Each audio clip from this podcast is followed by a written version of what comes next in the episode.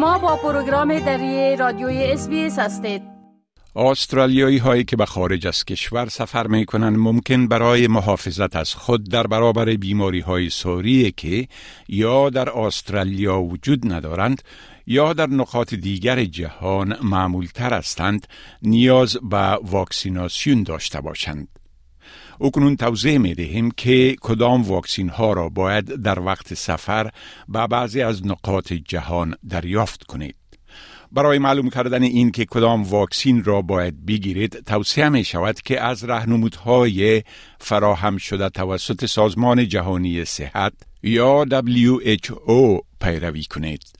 سازمان جهانی صحت واکسیناسیون معمول را برای همه مسافرین و همچنان واکسیناسیون مشخص را برای کسانی که از مناطق با خطر بلند بیماری های بخصوص بازدید می کنند پیشنهاد می نماید. جین فرالی استاد بخش صحت عامه فاکولته صحت در پوهنتون تکنولوژی سیدنی است. او می‌گوید که سفر می تواند مردم را در معرض بیماری های ساری جدی قرار دهد که در استرالیا یافت نمی شوند. The last thing you want on holidays is to be sick. And traveling to different parts of the world definitely exposes you to infectious diseases that aren't necessarily even in Australia or aren't common in Australia. And some of these are things like TB, typhoid, rabies, yellow fever, for example. خطرات صحت از یک منطقه تا منطقه دیگر و در طول زمان فرق می کند. پروفسور فرالی توضیح می دهد که ممکن شیوع مرض جدید وجود داشته باشد و واکسین های جدید در دسترس باشند. Other countries around the world have diseases that are much more prevalent and sometimes endemic to that country, which means that those diseases are entrenched in those countries. And these can be diseases that, that your body and your immune system may not have ever seen before. So having a vaccine is really important so that if you do come into contact with it, you'll be protected. تزریق واکسین های مشخص برای استرالیایی هایی که به خارج از کشور سفر می کنند به مقصد کشور و مدت اقامتشان بستگی دارد. طلبیدن توصیه های مسلکی طبی تضمین می کند که مردم پیشنهادات مناسب و مطابق به مقصد سفر و ضرورت های طبی خاص خود را به دست بیاورند.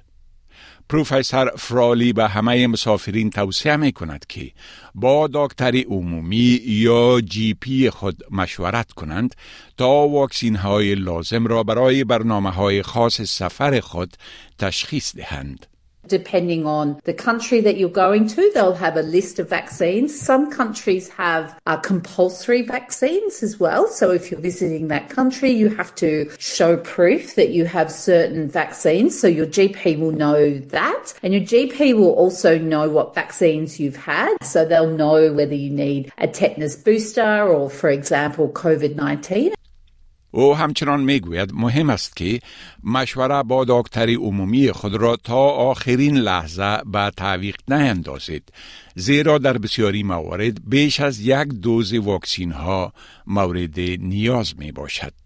A lot of people forget about vaccines until they're about to go make a quick appointment with the GP, but often it's too late. Vaccines take a little while to get into your system, for your immune system to mount a response, and so therefore for you to be protected. So at least six weeks at minimum, but preferably around 12. So around 12 weeks, three months before you're thinking of traveling پروفسور نیکولاس وود متخصص واکسین کلینیکی در پوهنتون سیدنی تاکید می کند که واکسیناسیون خاصی که ممکن نیاز داشته باشد با در نظر داشت عوامل مختلف مانند صحت، سن، سبک زندگی و شغلتان تعیین می شود.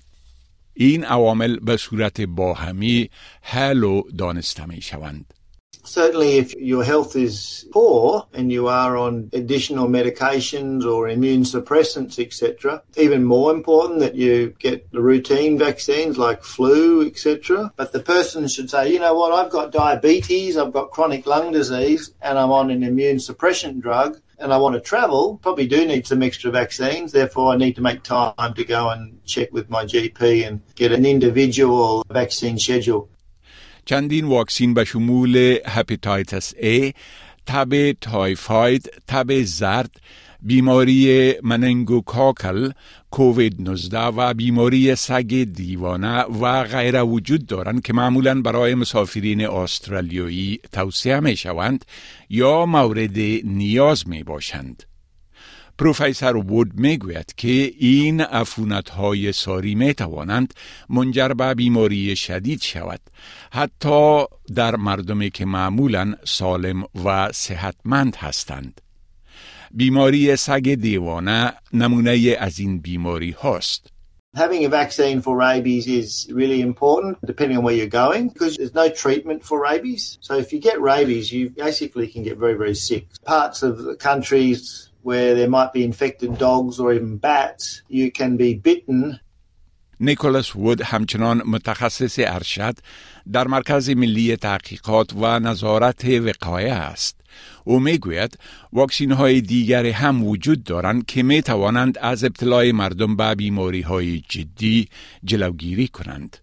Typhoid is also an important one. You know, there are often people admitted to hospital with typhoid blood poisoning. We can treat that with antibiotics, but it will really ruin your holiday. Sometimes you can end up being hospitalized with typhoid. Meningococcal meningitis is nasty can cause meningitis, blood poisoning, and can be very, very severe. Japanese encephalitis is also a key vaccine. Again, really depends on where you're traveling.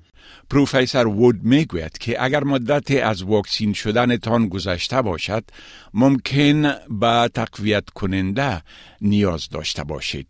If you're not up to date with your tetanus vaccine and you're overseas and you have a accident where you get a tetanus prone injury, you fall over and you get a rusty cut or dirt or whatever into a wound. Normally if that happens in Australia and you're not up to date with your vaccines, you would access medical care and you would get the wound thoroughly cleaned, you'd get some tetanus immunoglobulin and some tetanus vaccine. And that's all usually free in Australia. But if you're overseas, particularly if you're in a remote area, getting access to that sort of treatment is tricky, hard to do, and costly. But it could save your life. پروفسور فرالی میگوید مهم است که کووید 19 را فراموش نکنید.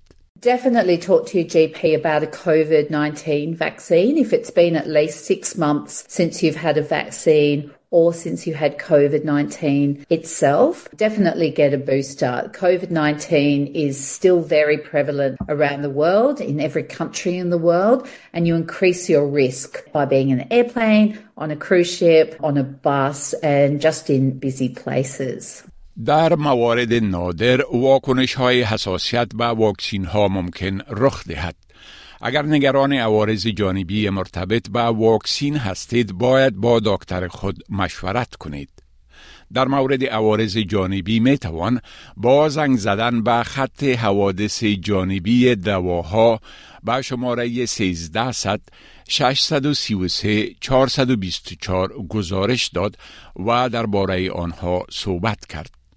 برای کسانی که در خارج از کشور واکسین دریافت کرده اند لازم است که قبل از گرفتن تصدیق آنها را در دفتر وقایه استرالیا یا AIR ثبت کنند. صرف متخصصین طبی استرالیا در استرالیا می توانند سوابق را به دفتر وقایه AIR علاوه کنند. می توانید از دکتر عمومی یا دکتران دیگر کمک بخواهید. بپسندید شریک سازید و نظر دهید. اسپیس دری را در فیسبوک تعقیب کنید.